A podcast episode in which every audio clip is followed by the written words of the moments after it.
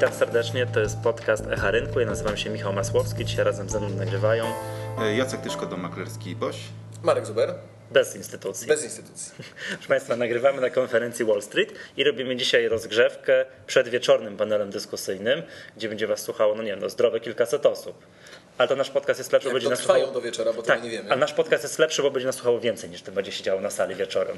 Tak, no i w sumie e, nasz podcast będzie można później sobie jeszcze odsłuchiwać przez jakiś czas, więc, więc Tak. będzie, będzie można wracać cały czas do tego, co Dokładnie. To tutaj... jest zła informacja, bo jak Michał się zapyta, co się stanie, to za trzy miesiące będzie można sprawdzić, czy się stało. O. To nie jest, to nie jest dobrze. To Ale jest to dobrze. wtedy zrobimy to. kolejny podcast, prawda? Echa, Echa Rynku trzy miesiące po Wall Street. Panowie, no na pewno znacie dowcip, tak? Że dobry analityk to jest taki analityk, który po fakcie potrafi się znakomicie wytłumaczyć, dlaczego przedtem się pomylił. Tak jest. Tak, więc być- może nagramy Ale my nie trzy, jesteśmy dobrymi. także- tak, możemy trzy wersje od razu nagrać, prawda? Że rynek pójdzie w górę i dlaczego, że spadnie i dlaczego i będzie stał w miejscu i dlaczego i Dobra, później będziemy i ja będę tylko podmieniał odpowiednio pliki na serwerze, tak? Do- Dokładnie, więc uprzedzimy po prostu słuchaczy, prawda, że, że ta rozmowa jest po prostu sterowana. Yy, tak, to dzisiaj mamy 4 czerwca, jakby ktoś chciał potem sobie sprawdzać, co się, co się będzie działo dalej. Dobra, panowie, czy WIG20 wzrośnie, czy spadnie, zapytam was za chwilę, dobrze? Panowie, zanim zanim zapytam o ten WIG20, chciałbym yy, zapytać taką, taką kwestię troszkę bardziej makroekonomiczną. Je, wiadomo teraz powszechnie, tak, jeśli ogląda telewizor, to średnio co drugi dzień, że tak, kto tam bankrutuje na południu Europy, bo już nie pamiętam, Grecja, No, może łatwiej powiedzieć, kto nie bankrutuje albo nie będzie bankrutował. Natomiast jeżeli chodzi o południe, no to w pierwszej kolejności Grecja wysuwa się na pierwsze czoło. od roku bankrutują, prawda? E, Oficjalnie, prawda? Bo nieoficjalnie to od dawna było wiadomo, że mają problemy, wysoki wskaźnik zadłużenia w relacji do PKB a, i generalnie te wszystkie takie wskaźniki zadłużenia, jak kto by je nie liczył, no to plasują Grecję w ścisłej czołówce, tylko że wcześniej nie było to problemem, bo i kapitał był tańszy, było łatwiej go zdobyć, ale od pewnego czasu po prostu, kiedy się zaostrzyła walka o, o kapitał, no to automatycznie, prawda, ten temat e, wychodzi. Kto jest najbardziej zadłużony, bo ten jest Dobrze, najbardziej tak, zagrożony. Grecja, kto jeszcze? No, y, Włochy, bo tu też możemy to oceniać przez pryzmat tego, jakie są ratingi albo jakie są perspektywy Tam ratingu. premier prawda? jest zajęty czym innym, także E, Tak, bunka, bunka, tak, tak, tak, tak, że to, no dobrze, Włochy, jeszcze i Półwysep Iberyjski, tak, w całości. A, tak, Hiszpania, Portugalia, więc można powiedzieć całe południe, czyli, czyli ta część Europy, która ma taką, nie wiem, latynoską naturę, prawda, czy, czyli y, wszystko maniana, odkładają na później, no Mhm. i chyba właśnie z tą kwestią długu też tak, pożyczając pieniądze, odkładali wszystko na później, no i teraz to później nadeszło. Tak, Marek, wiesz, że miałeś dowcip powiedzieć o tych Grekach. Dlaczego Nie, to oni... nie jest dowcip, to nie jest dowcip, to jest prawda, tak? E, No, w ogóle z Grekami to jest osobny temat. Wiemy, że Grecja nie powinna była wejść do strefy euro. Wiemy, że nie spełniała najważniejszych wskaźników fiskalnych. Wiemy, Mhm. że Komisja Europejska była przeciwna temu, ale Parlament Europejski stwierdził, że Grecy muszą wejść, bo przecież nie może kolebka europejska nie być w strefie euro. No to teraz są efekty tego. Jak już Grecja była w strefie euro, sztuczki księgowe zrobili podobno, jak wchodzili, prawda? Oczywiście, przede wszystkim wartość deficytu sektora finansów publicznych no, była znacznie wyższa niż e, powinna być. Mało tego, była jeszcze zaniżona w stosunku do tego, co było naprawdę. Pamiętamy tę samą sytuację, tylko jeszcze, jeszcze w większym stopniu przed e, Olimpiadą, kiedy Grecy po prostu kłamali, po prostu informowali Eurostat o zupełnie innych wskaźnikach niż to w rzeczywistości miało miejsce. Ale to jest kraj, który żyje specyficznie, który z pewnymi rzeczami się nie liczy, bo jesteśmy kolebką cywilizacji europejskiej i tak nam muszą pomóc. To jest kraj, gdzie nie płaci się podatków. Jeżeli ktoś był w Grecji, to wie, że poprosić o paragon fiskalny to jest natychmiastowe um, y, zdziwienie y, Greka i on, on już nie rozumie po angielsku, po niemiecku, w jakimś, pewnie po grecku jakbyśmy mówili, też by nie zrozumiało, co chodzi z tym paragonem. No tak to wygląda. Oni niestety sami są sobie winni, warto o tym powiedzieć.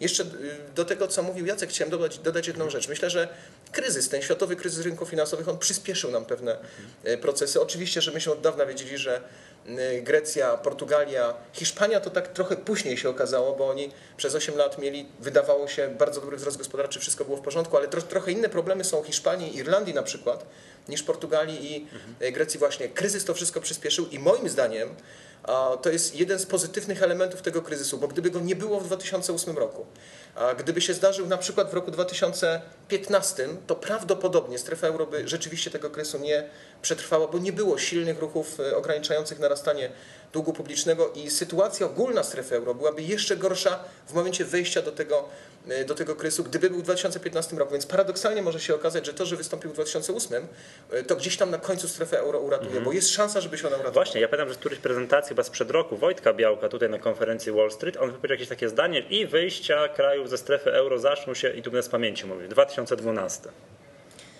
No takie ryzyko było. Zresztą tak nawiązując do tego, co Marek mówił, ten kryzys nam się przysłużył, bo gdyby nie było kryzysu w Stanach Zjednoczonych, no to Polska by była drugą Hiszpanią, prawda? Bo u nas akurat kryzys spowodował zahamowanie boomu na rynku nieruchomości, a Hiszpania właśnie te swoje problemy głównie przeżywa przez to, że tamten rynek nieruchomości został nadmiernie rozgrzany. U nas szybko KNF, prawda, prowadziło zmiany dotyczące udzielania kredytów i to nas też częściowo uratowało. Może No, nawet trochę za mocne teraz, może nawet E, trochę w drugą stronę przesadzamy, ale to jest oczywiście dyskusja na inny... ale, ale może, na można tak powiedzieć, czasami lepiej troszkę na chwilę się zatrzymać, niż zajść, żeby mocniej się odbić. I Tak, wydaje się, że ja to też słyszałem, że gdzieś przedstawiciel KNF-u mówił tak, że Polska, albo nie, chyba profesor Rybiński, że mm, zagraniczne banki na zachodzie były zlewarowane tam, nie wiem, 500% kredytów do depozytów, a Polskie raptem 130%, tak? Co powodowało, że to oni musieli się strasznie odchudzić, a my nie. Tak, jak, jako konsumenci, prawda, szczególnie te osoby, które nie mają mieszkania, no mogą w tej chwili czuć dyskomfort, ale natomiast z punktu widzenia całej gospodarki, no wyjdzie nam to po prostu na dobre, więc, więc ja tu trochę powiem jak Leszek, Leszek Balcerowicz, czasami jest dobrze prowadzić restrykcyjną politykę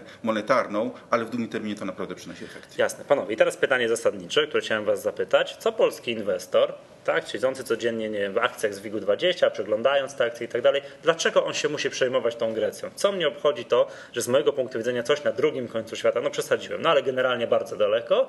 Co mnie, że ta, ta Grecja zbankrutuje, wyjdzie z strefy euro, że będzie katastrofa monetarna i tak dalej? Co mnie to interesuje? Dlaczego to jest, wiem, A, panie Michale, pan w jednym ciągu powiedział kilka rzeczy, które mogą się wydarzyć. Grecja zbankrutuje, Grecja wyjdzie z strefy euro i tak dalej, i tak dalej. Nie wszystkie te elementy, nie wszystkie No. te zdarzenia mogą mieć taki sam wpływ na rynek. Oczywiście, każde, każda rzecz, która nas zaskakuje, która jest zła, jest to jakaś zła informacja, ona powoduje wzrost ryzyka. My wiemy, że my od trzech lat żyjemy w takim środowisku znacznie większej awersji do ryzyka. Ludzie się bardziej boją, no bo ten kryzys ich zaskoczył. Co tu dużo mówić, prawie nikt tego, czy nikt właściwie można powiedzieć, tego kryzysu w takiej formie, e, w, w takim nasileniu nie przewidział.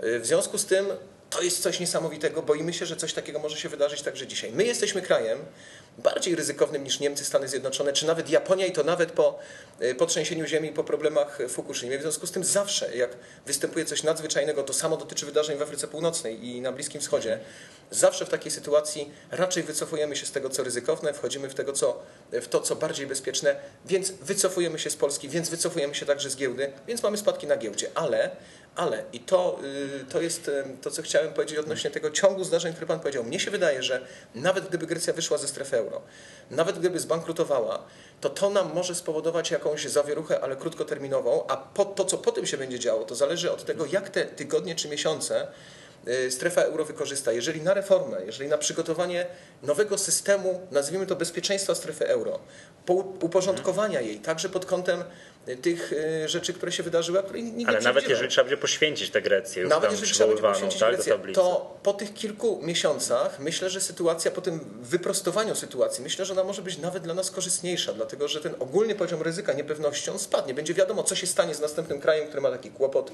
Będzie wiadomo e, pewnie więcej na temat tego, jaki to może być kraj.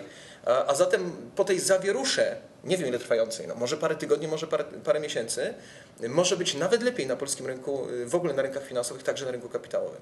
Jacek, zgadzasz się? Yy, tak, tak, bo wydaje mi się, że za jakiś czas, prawda, kiedy się to uspokoi, inwestorzy zaczną dostrzegać, że wśród tych zadłużonych krajów są kraje mniej zadłużone i bardziej zadłużone, prawda? I te mniej zadłużone to będzie taki relatywizm, będą traktowane jako takie oazy, gdzie najlepiej najbezpieczniej jest A inwestować. jeszcze kraj z perspektywą. Oczywiście, A my natomiast, jesteśmy natomiast tych mniej zadłużonych. Zdecydowanie tak. Jeżeli chodzi o wskaźniki, prawda, myśmy sami sobie narzucili te progi w Konstytucji, których w tej chwili rząd się 55%, boi. 60%, Dokładnie tam kombinuje i z OFE i w tej chwili widać, że też Rada Polityki Pieniężnej też wspiera stopami procentowymi, żeby prawda, ten poziom długu w walutach obcych nie doprowadził do naruszenia tych wskaźników. Natomiast tak dla inwestorów istotne jest to, że Polska choć nie jest w strefie euro, to jest w Unii. Czyli tak jak y, z punktu widzenia y, emerging markets, prawda? Jesteśmy zaliczani do emerging market, czy to Azja, Europa, czy Stany Zjednoczone, y, Stany Zjednoczone, przepraszam, Ameryka Łacińska, no to te kraje są jeszcze dalej, nie? Natomiast dla, dla wielu inwestorów sam fakt, że Polska jest w Unii, ale nie w strefie euro, powoduje, że jesteśmy czasami postrzegani bardzo podobnie. I, i, I to może jeszcze przez jakiś czas pokutować. Y, Dla mnie takim dowodem na to jest to, że w jednej z zachodnich stacji, uśmiałem się po prostu, jeden z analityków kiedyś mówił na temat tego, no widać, że po prostu jak, jak postrzega Unię, że podwyżka y, stóp procentowych ewentualnie przez Europejski Bank Centralny mocno uderzy w Węgry. Natomiast Węgry nie są w Unii Walutowej, prawda? Oni mają swojego forinta. No i w tym momencie to też pokazuje, że niektórzy być może uważają, że Polska jest W strefie też, euro. też w strefie Tym euro. bardziej, że naokoło coraz więcej krajów jest Słowacja, Dokładnie. Estonia. Także Tak, natomiast chodzi o to, że my, że my jesteśmy członkiem tej grupy. Nawet, prawda, jakieś tam etapy czy formy pomocy dla poszczególnych krajów też wymagają, że Polska się musi na to zgodzić, prawda? Czy nasz minister finansów, który reprezentuje, prawda, czy na jakimś innym gremium. Więc, więc w tym momencie w jakiś sposób nas to też po prostu warto- dotyczy, co się w Grecji dzieje. Warto też zauważyć, popatrzeć na te ostatnie lata. Yy, Zobaczcie, wtedy, kiedy kryzys narastał rzeczywiście, kiedy upadł Lehman Brothers, kiedy mieliśmy wycofanie się kapitału z tych bardziej ryzykownych miejsc, to jednak traktowano nas dokładnie tak samo jak inny emerging market. Ale w momencie, kiedy, no ale to była panika. Tutaj już nikt nie patrzył tak naprawdę realnie w miarę... Krew się lała, wszystko To jest to dolara to trzeba było kupować i koniec.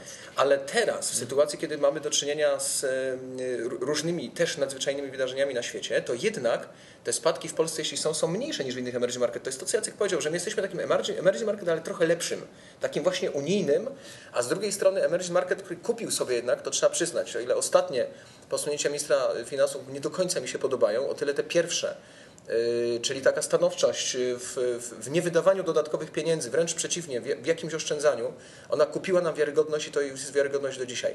Ale w tym kontekście, o którym mówimy, szalenie ważne, oprócz tego, co się dzieje na świecie, jest jednak to, co my zrobimy w Polsce. Jakiekolwiek poważniejsze zmiany, które jeszcze będą miały poprawić sytuację finansów publicznych, zmienić strukturę wydatków w Polsce, polikwidować tą masę grup uprzywilejowanych i w kwestii podatkowej, i w kwestii y, emerytalnej i tak dalej, i tak dalej, moglibyśmy wymieniać te zmiany. Y, Jeśli zostaną w ciągu najbliższego roku, dwóch wprowadzone, no po wyborach, bo oczywiście do wyborów już nie ma na to szans, to my będziemy jeszcze ciekawszym krajem z punktu widzenia y, tego ewentualnego lokowania tutaj kapitału. Właśnie, a propos wyborów, zadam takie pytanie polityczne. Czy teraz, tuż przed wyborami, rząd nie postanowi, dobra, troszeczkę musimy poluzować, troszeczkę, wiecie, kasy wydać na to, bo wybory trzeba wygrać, tak? Palicho ten próg, próg 55%, no teraz trzeba wygrać wybory. Czy nie grozi nam taki scenariusz?